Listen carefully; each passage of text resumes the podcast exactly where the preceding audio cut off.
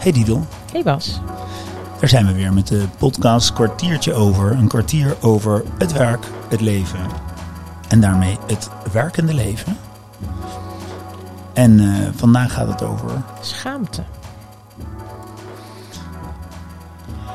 nou Nou, wij hielden allebei onze adem in en dachten schaamte. ja, Ja, waar begin je als je het hebt over schaamte? nou ja, wanneer schaam je je? Wanneer schaam je je? Wanneer schaam jij je? Mm. Ik eh, kan me schamen als ik heel veel ruimte inneem. Een beetje hoog van de toren blaas, een beetje loop te tetteren zoals, zoals ik dat kan. Dan kan ik me daarna wel schamen omdat ik dat gedaan heb. En wat voel je dan? Ehm, dat ik er eventjes niet helemaal kon of mocht zijn. Klinkt heel zweverig, maar dat zijn even de woorden die ik. ehm, Je, je voelt dat je er niet mocht zijn toen je aan het ruimte innemen was. ja, en de schaamte zit er dan dus op dat ik dat wel aan het doen was. Terwijl dat eigenlijk misschien niet de bedoeling was. Oh ja, ja, oh ja. Snap je wat ik bedoel? Nou, ja. Komt gelijk een beeld bij me naar voren dat ik ooit een oud collega een, een vrouw op mijn schouders heb getild op haar bruiloft. Oh ja. Omdat het een soort de bedoeling was dat het de bruid en de bruidegom dan op de schouders gingen. Maar het scheen dat de mannen de man moesten optillen en de Vrouwen, vrouwen de vrouw. En ik Jij ging gewoon heel behulpzaam, ging jij eh, waarschijnlijk redelijk aangeschoten. En, eh, en toen dacht ik later, oh wacht, dit was een soort traditie. Bedoel je een beetje dat soort schaamte? Ja, ik denk het wel. Zo van, nou, dat, dat je, en daarmee neem je dus een bepaalde ruimte in die niet per se. Voor jou was? Nee, en dat voel je vaak pas later. Want in mijn enthousiasme denk ik ook. "Ah, tut, tut, tut, tut." En dan denk ik daarna, oeh ja, hmm. schaamte. Ja. Dat is Oh, het ja. eerste wat in me opkomt. Oh ja, Waarschijnlijk schaam ik me nog op veel meer momenten, maar daar moet ik even over nadenken. mogelijk, ja. Ja, ik, ik, ehm, ik kan het ook wel hebben als ik ergens een punt van maak.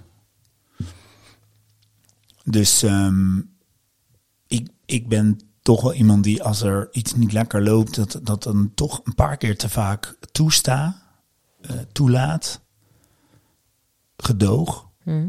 En dan vervolgens dan, dan, dan hoe heet dat? Trek, steek ik van wal, trek ik van leer. Geen idee hoe die bij mij zijn. Ja? ehm, eh, dan zeg ik, en nu ben ik er helemaal klaar mee. En dat is dan precies de dag dat die persoon wel een goede reden had om het niet te doen. En omdat dan bijvoorbeeld iemand is overleden of zo, weet je. En dan is precies de dag dat ik zeg, nou, en nu is het een keer klaar met, nou, whatever. En, en wat is dan. en de schaamte is Waar- dan dat ik, ja. dat ik gewoon niet afgestemd ben op het moment. En natuurlijk ook dat ik eigenlijk hè, vinkjes of turfjes aan het zetten ben bij die persoon. Van oké, één keer te laat, twee keer te laat. En nu ben ik er klaar mee. En dan, ja, ik heb net een kat overreden. Weet je, het is altijd zo'n zo'n situatie. En, en ergens kan ik voelen, ja, dat had ik natuurlijk ook niet kunnen weten. Maar de schaamte zit er eigenlijk op dat misschien wel dat ik het zo heb laten oplopen. En dat als het er dan uitkomt, zul je net zien dat het op het verkeerde moment is. En dan, ja. Ik leerde een paar weken geleden in, eh, in een opleiding dat de weg naar autonomie is langs angst en schaamte. Hm, Dat vond ik wel een mooie quote. Of quote. Waarheid, weet ik niet. Idee. En dat kan ik ook voelen. Dus als je echt vrij wil zijn. Het schijnt dus dat je in je kinderjaren die schaamte niet kent. En dan loop je opeens eh, in je blootje eh, over een familiefeest. En dan zegt, begint er een oom te lachen. En, eh, en dan denk je, dit is dus blijkbaar niet goed. En dan, ehm, dan schaam je je daarvoor. En zo leren we kinderen schaamte aan. hm. Ehm, en, en wat daar interessant aan is, is dat als je door die schaamte en ook door die angst heen kan gaan, dan moet je hem dus wel voelen. Mhm. En, de, en die, die gaan gepaard met pijn en, en verdriet. En dat, daar willen we dus als mensen in, te- in, in de basis vanaf. Dan kom je weer terug bij je autonomie. Want dan ben je aan het doen wat je wil doen. Wat je echt wil doen. Ja. Ja. En ik moet denken aan. ehm, Is schaamte dan, wat zouden mensen van mij denken? Of wat, ja. ja. En, en wat dus in het en in, in, in de sociale constellatie is dat dan niet goed. Ja. En daarmee verge- vergeet je je eigen autonome keus dat jij dat wel goed vindt. Zoals mijn dochter van drie nog regelmatig naakt door de woonkamer rondloopt. Die trekt soms random gewoon haar kleren uit. Vindt ze heerlijk. Nou, prima. En wij vinden er niet zoveel van een soort nudist in de, do- in de dop, zeg maar. Ja, maar toen dat jij dat laatst in de supermarkt deed, vond iedereen dat heel raar. ik vind dat heel gek. Ik ja. stond gisteren bij het zomerfeest van de BSO. Vonden mensen het heel gek dat ik dat deed. nou, ik begrijp dat niet. Dus ik denk dat ik daar geen schaamte op heb. Of dus, als je dat zo zegt. Nee, nu, nu doen we er heel grappig over. Maar dat je dus dan heel autonoom bent en doet wat je wil doen. Misschien zijn er andere mensen die daar dan best wel naar kijken. Nee, dit is een heel raar voorbeeld. Ja, ja. Oké, luisteren er mensen van de BSO? Nu niet meer. Nu niet meer. Nee, niet meer. Ja, maar die dachten misschien wel van, oh ja, er stond echt een, een ander voorbeeld. Er stond een levensgroot springkussen in de gymzaal naast de BSO, maar echt groot. Zo'n stormbaan. Nee, het is geen springkussen, het is een stormbaan. Maar die was voor de kinderen. Als in, en toen was er iemand en die zei, ja, ik zou er eigenlijk ook wel op willen.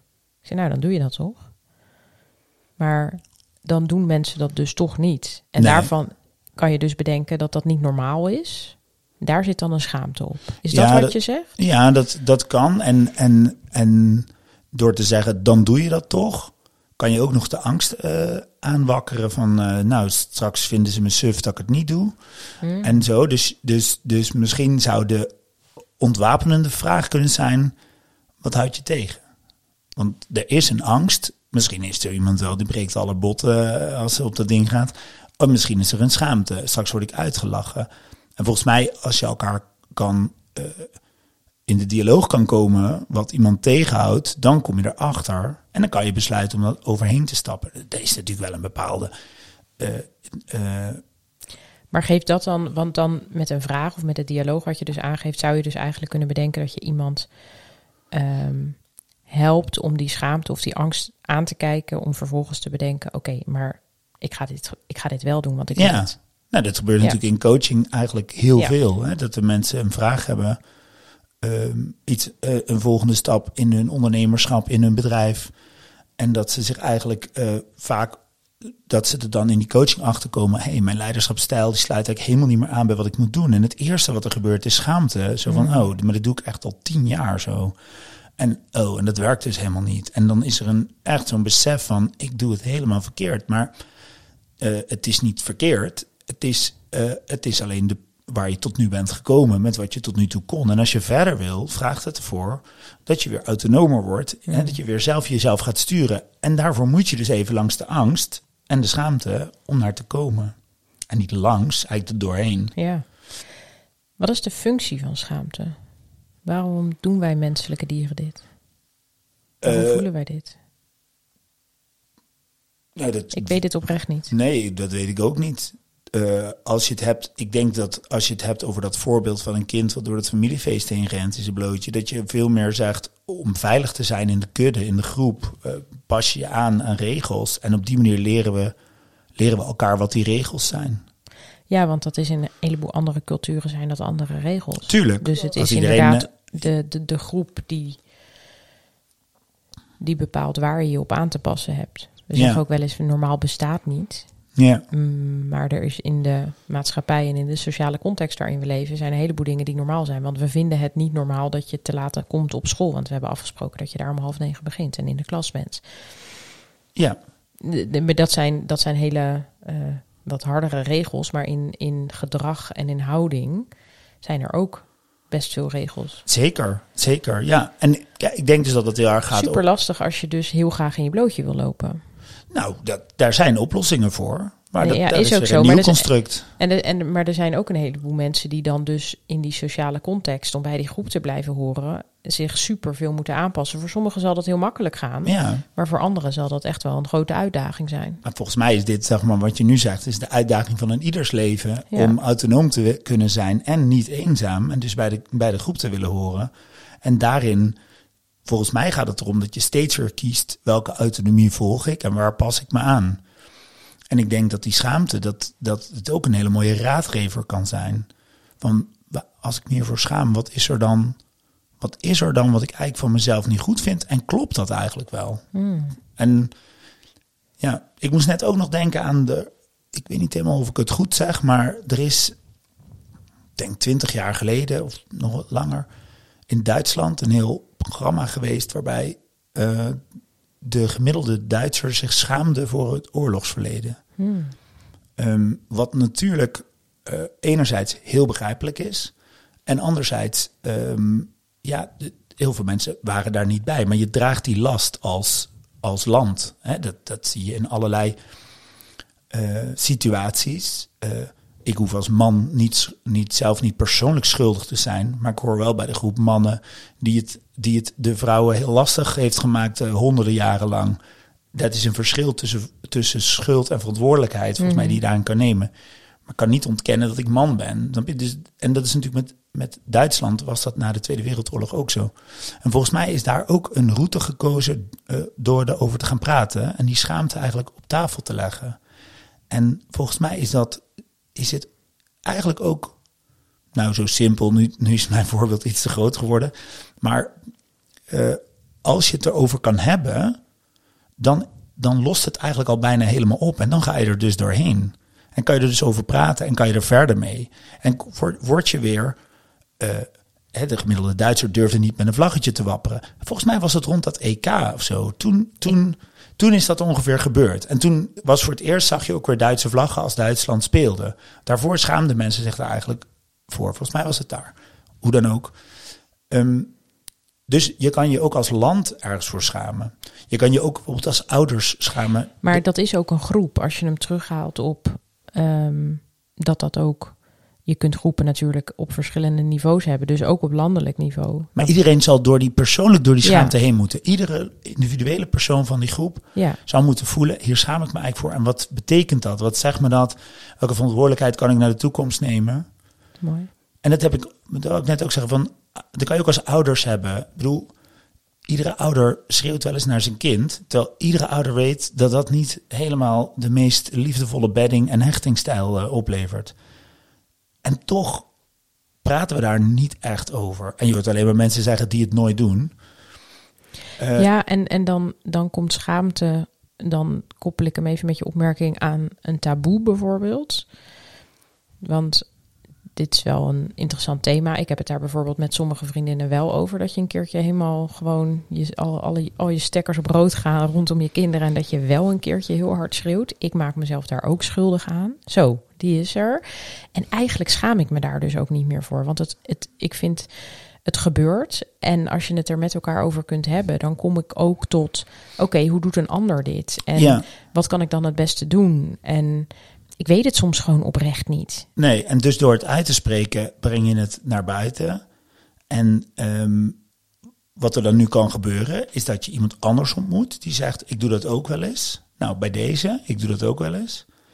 En dat je dan dus in de kwetsbaarheid kan praten. Wat gebeurt er dan met je? En hoe voel je dan? En dat je daar doorheen kan, omdat je niet meer achter die taboe zit. Volgens mij is taboe en schaamte of zo, dat zal wel erg op elkaar lijken. Maar wat er ook kan gebeuren, is dat je iemand tegenkomt die zegt: Ik doe dat nooit. En Diedel, ik vind dat echt heel erg stom. En dat is heel slecht voor je kinderen. Dan kan je terug de schaamte inschieten. Mhm. En, en, maar je kan ook voelen: Ja, en, ik, en dit is waar ik sta in de ontwikkeling van mijn leven. Dit is wat ik kan. Ik vind het niet per se goed, maar ik keur het niet af van mezelf. Ik blijf oké. Dat ik ben oké en jij bent oké. Dat is. En volgens mij kom je dan in je autonome eh, positie. Want jij kan gewoon zelf voelen. Dit is wat ik kan. Dit is wat ik mijn kinderen te geven heb. En dat gaat heel vaak goed en heel soms niet. En daar sta ik voor. En dan, dat is autonomie. Dat je weer zelf daarvoor kan staan. En ik wil niet zeggen dat je dan weerbaar bent tegen iemand. Of, nee, ik bedoel, je bent, je bent dan juist weerbaar tegen iemand die daar tegenin gaat. Maar je bent niet onfeilbaar of, of eh, Hmm, nee. on- onraakbaar. Want het raakt natuurlijk als iemand dan zegt, nou ik doe dat nooit hoor. Nee, en ik denk ook wel dat dat kan raken. Maar ik, op het moment dat je daar auto- autonoom in bent, dan kan ik ook als ik zelf geschreeuwd heb, heus zelf wel bedenken, meteen daarna al, Ja. nee, dit was echt niet oké, Didel. Nee, En, maar ook daar kan ik met mijn kinderen over praten. zeker. Maar Dus dat, dat, ik, ik ben de, de, de opmerking, de schaamte voorbij, zeg maar, ja, die is hier bij mij in ieder geval op van toepassing. ja, mooi, mooi. En ik denk dat dat, dat is dus waar het bij schaamte volgens mij heel vaak voor gaat. Het is een indicator dat er iets niet klopt. Die indicator is in zichzelf denk ik prima. Maar eh, functioneel dus ook. Vervolgens moet je kijken: klopt het inderdaad niet wat ik doe? Of ben ik me aan een systeem aan het aanpassen waar ik niet achter sta? Oké. Die stond een beetje hard. Ehm, of ben ik me aan een systeem aan het aanpassen waar ik niet achter sta? Zoals hè, dat, je, dat je iets anders wil dan, dan wat, wat, eh, wat de goede gemeente wil. Ja. Ehm, oké, de gong is gegaan. Nog ehm, Nogal. Boing. Eh, sorry. Wat, ehm, wat neem je mee of wat wil je nog zeggen? ja, dat ik toch weer merk nu, we hebben het, we hebben het nu over schaamte gehad en we hebben wat, wat schaamtevolle dingen gedeeld. En dat eigenlijk hoe eerder je het in de ogen kijkt, eh, hoe lichter het wordt. En hoe meer je ermee kunt spelen, of je nou zegt, ik schaam me ervoor en ik vind het inderdaad niet zo handig dat ik het doe, ik wil erin leren. Of ik schaam me ervoor en ik besef dat ik niet bij het gebaande pad of bij het construct wil horen. En ik ga me dus anders opstellen. En in beide gevallen kies je meer voor jezelf. Ja, wat ik daar nog uit meeneem is dat er zijn niet voor niks heel veel verschillende groepen. Dus op het moment dat je voelt dat je niet meer, dat je gedrag en wat je echt wil niet meer past in een bepaalde groep, dan ga je dus misschien wel uit een bepaalde groep en dan sluit je je aan bij een andere groep. Ja, dat ook. Dat daarvan bedenk ik, daar bedenk ik net, oh ja, dat is eigenlijk wel ook heel erg mooi, want dan kies je voor jezelf en dan kies je er bijvoorbeeld voor dat je Ehm, omdat je heel graag op je blote voeten wandelt, dat je je aansluit bij een wandelgroep die, met mensen die alleen maar op hun blote voeten wandelt. In plaats van dat je je bergschoenen aantrekt, omdat je eh podoloog zegt dat dat zo goed voor je is. Ehm, dan kun je je gaan schamen bij de podoloog. Maar je kunt ook bedenken, ik sluit me aan bij een andere groep. Wat een mooi voorbeeld, Guido. Plop. ja, ik denk dat er Ja. allemaal mensen nu zich stukken vrijer en autonomer voelen. Lekker op hun blote voeten gaan wandelen. Nee, maar ik, en daarmee fijn dat er een plek is voor iedereen. Dat is wat ik bedacht. Mooi. Dag Didel. Dag Bas.